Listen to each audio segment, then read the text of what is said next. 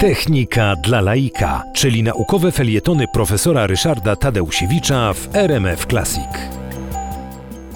Pierwszym człowiekiem, który postanowił te ograniczenia przezwyciężyć za pomocą elektroniki, był Rosjanin, nazywał się Lew Termen y, i jego rozwiązanie polegało na tym, że generator dźwięków elektroniczny był sterowany ruchami dłoni. W 1919 roku Lew Termen pokazał urządzenie, y, które y, powodowało, że poruszający się w pobliżu tego urządzenia człowiek, to powiedzmy wykonał wykonując ruchy podobne jak dyrygent, sprzęgał się z takimi antenami, które były w tym y, urządzeniu zainstalowane i to powodowało przestrajanie dźwięków, ale w sposób zupełnie inny niż w przypadku instrumentów jakichkolwiek dętych, smyczkowych, y, fortepianów czy czegokolwiek innego. Po prostu wszystkie dźwięki były możliwe, y, tony przechodziły jedne w drugie w sposób płynny.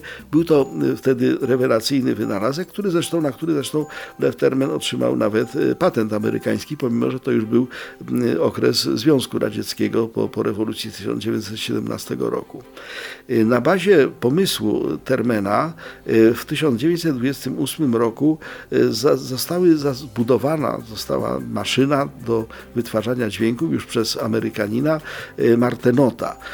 Ten jego instrument nazywał się Fale Martenota.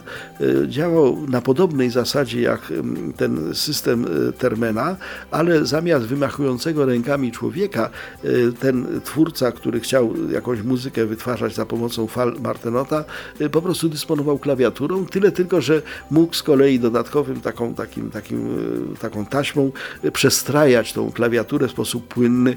Te fale rzeczywiście dawały bardzo ciekawe efekty, w szczególności były wykorzystywane w filmach, tam gdzie chciano uzyskać jakiś efekt niezwykłości, na przykład no, lądują jacyś tam Marsjanie, prawda, dźwięki normalnej ziemskiej orkiestry byłyby w tym momencie na miejscu, no więc te fale Martenota wytwarzały takie dźwięki, których żaden instrument by wytworzyć nie mógł.